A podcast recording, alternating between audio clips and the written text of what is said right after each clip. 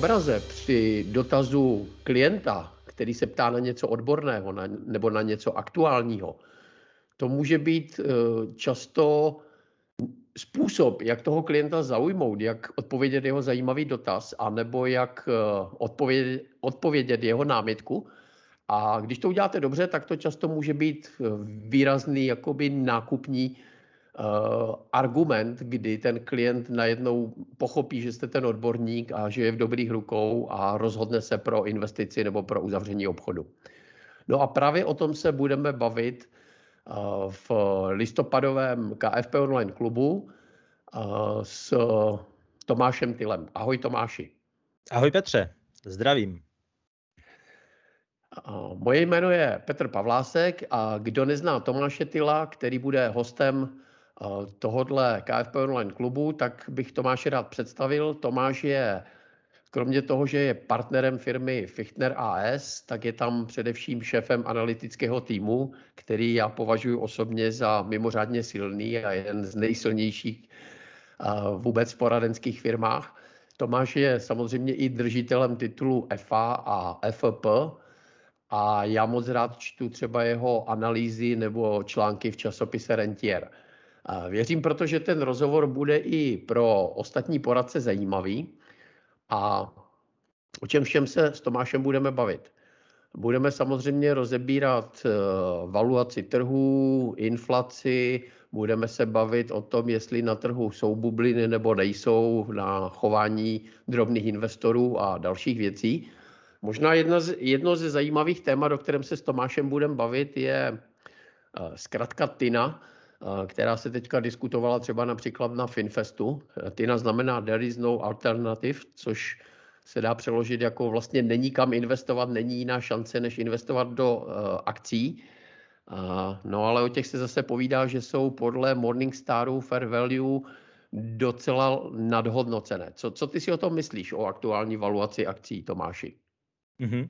Já určitě vídám řadu různých grafů a myslím, že Morningstar, uh, tam je lehké nadhodnocení, Eh, to furt eh, z dlouhodobého hlediska neznamená nějakou velkou bublinu, ale vnímám, že řada lidí ukazuje na různé ukazatele, které eh, zdánlivě ukazují, že ten trh je hodně drahý a hlavně americký trh, že je hodně drahý, že je hodně na vrcholech a řada investorů se vlastně obává, jestli, když je na maximech, jestli do toho trhu vstupovat. A já bych vlastně chtěl ukázat, že my se musíme podívat na ty ukazatele více do hloubky, podívat se více, co znamenají a pak zjistíme, že ten trh eh, není zas tak drahý a že na něm není zas taková fundamentální bublina, jak se to může eh, z pohledu takového jednoduchého a povrchního zdát. Takže je to o tom podívat se více eh, do hloubky na to, co se na trhu děje a pak eh, uvidíme, že o bublině na trhu v současnosti určitě hovořit nemůžeme. To neznamená, že se nemusí týkat některých jednotlivých akcích, ale že i ten americký trh, který je drahý eh, a určitě není levný, tak třeba z hlediska srovnání s dluhopisovým trhem není eh, zdaleka nějak neatraktivní a že pořád z dlouhodobého hlediska má do akcí smysl investovat. Mm-hmm. Já vím, že ty sleduješ vždycky ukazatel PE nebo forward PE a že jste teďka eh, přešli na hodnocení ne ročního PI, ale dvouletého PI. Co, co bylo jako hlavním důvodem?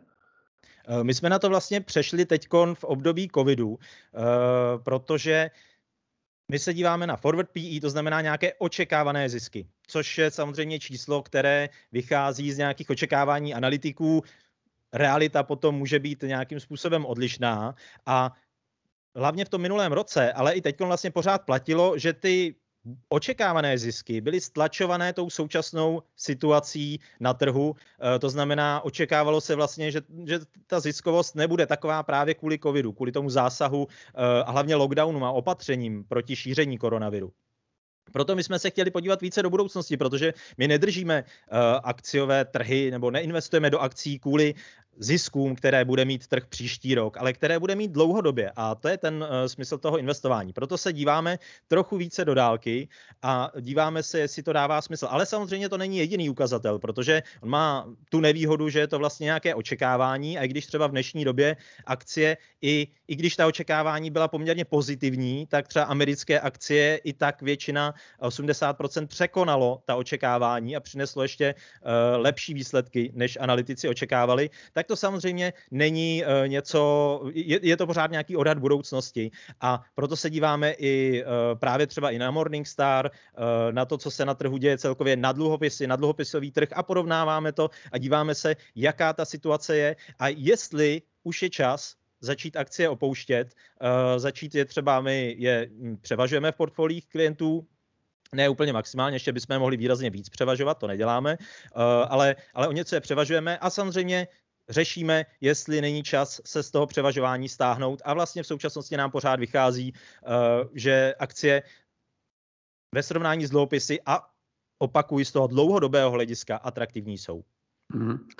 Já myslím, že řada klientů, kteří nemají s investováním zkušenosti nebo možná i poradců, tak eh, díky tomu, že eh, trhy dělají za poslední rok 25 a 20 protože samozřejmě po tom covidu výrazně klesly a teď za, ty, za ten poslední rok nebo posledních 12 měsíců narostly, tak ty čísla jsou impozantní tak tam možná řada poradců i klientů žije v takovém nějakém očekávání, že to je dlouhodobý standard a že takhle to na akciových trzích chodí, což samozřejmě může být nebezpečné.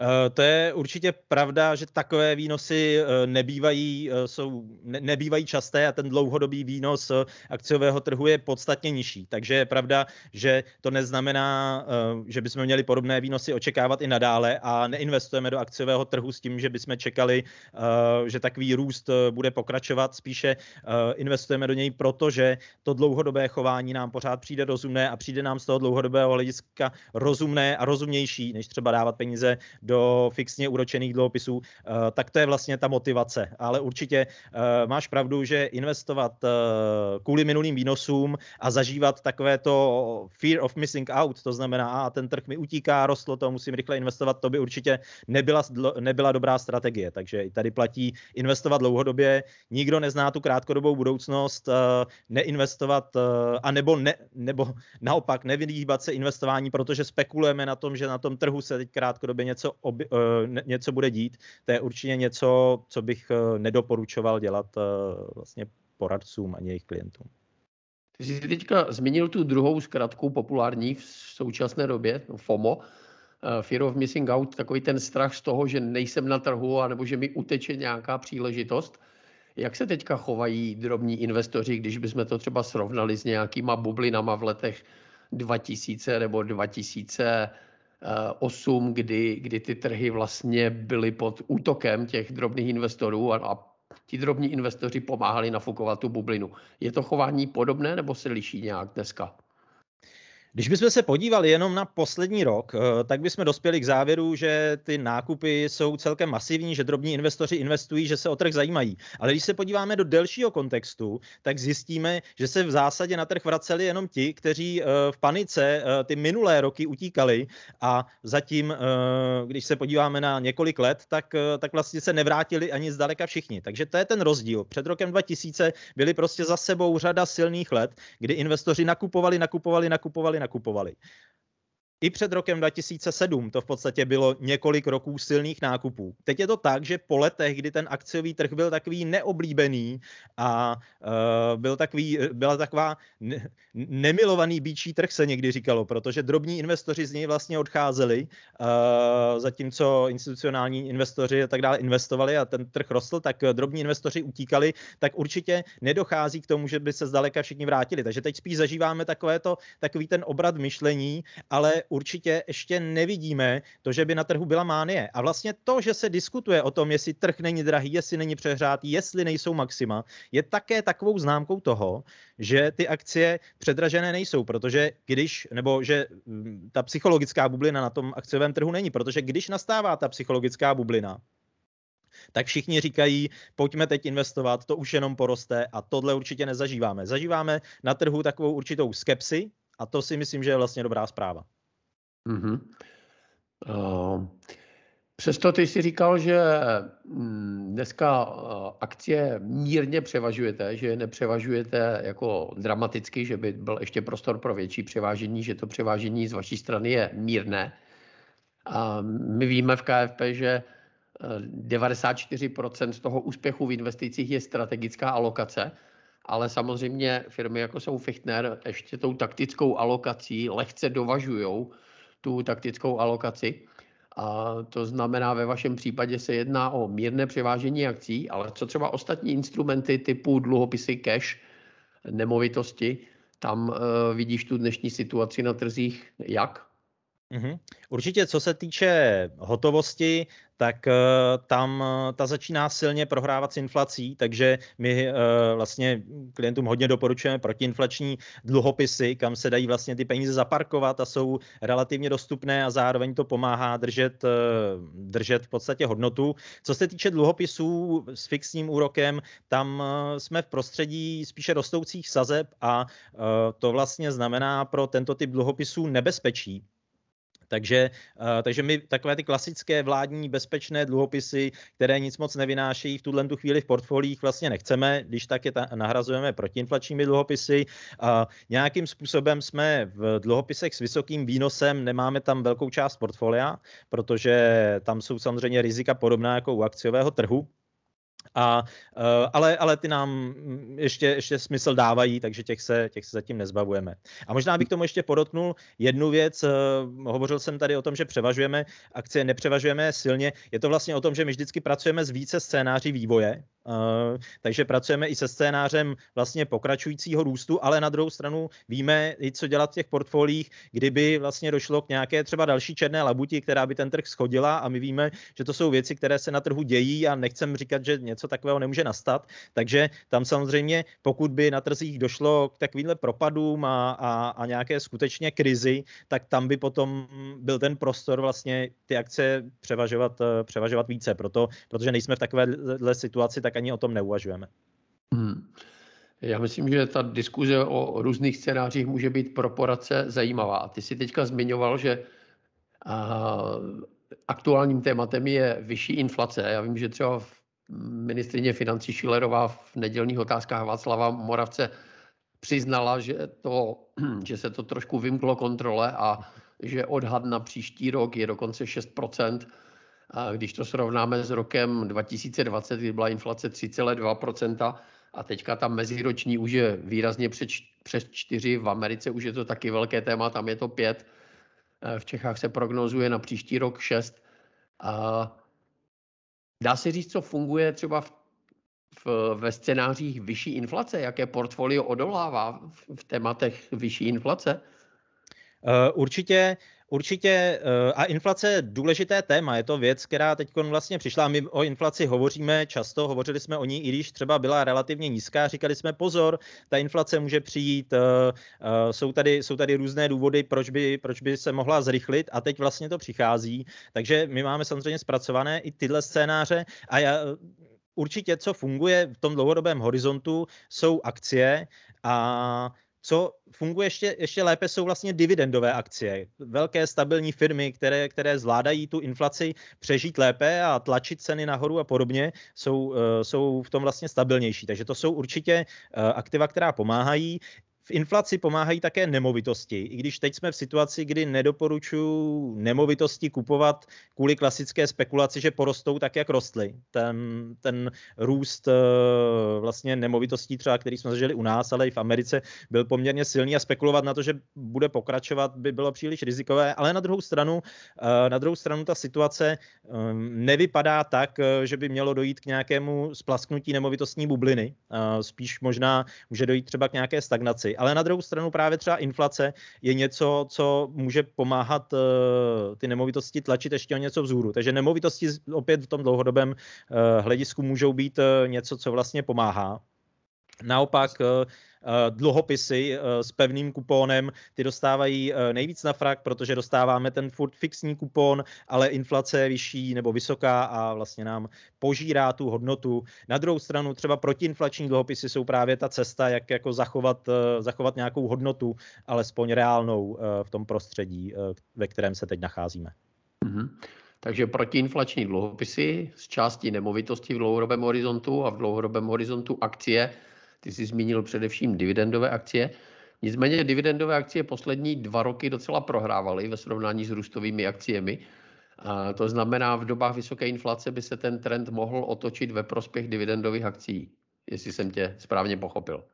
Samozřejmě to jsou vždycky jenom pohledy do minulosti a uh, budoucnost nás může vždycky překvapit. Uh, na druhou stranu ty, právě ty dividendové akcie nebo kvalitní akcie vyplácející nějakou dividendu, nemusí to být, uh, nejsou to ani tak akcie vyplácející hodně vysokou dividendu, jako spíše důležitější ta kvalita té dividendy a ta kvalita těch firm, uh, mají do toho, do toho inflačního prostředí lepší pozici než uh, firmy, které vlastně uh, třeba ani negenerují pořádně nějaké zisky a uh, je, je pro ně jakoby důležité spíš v budoucnu nastartovat růst těch zisků. Eh, v minulosti takové firmy eh, v těch inflačních scénářích prohrávaly. Takže to je to, jak se to chovalo v minulosti, když inflace nastala a samozřejmě to působí určitou, určitou ochranu. Jinak na ty firmy, které zase nemají zisky, tak eh, ty prostě rostou v takovém prostředí eh, celkového snadného růstu nízkoinflačního, který jsme právě zažívali a který je pomáhal hnát nahoru.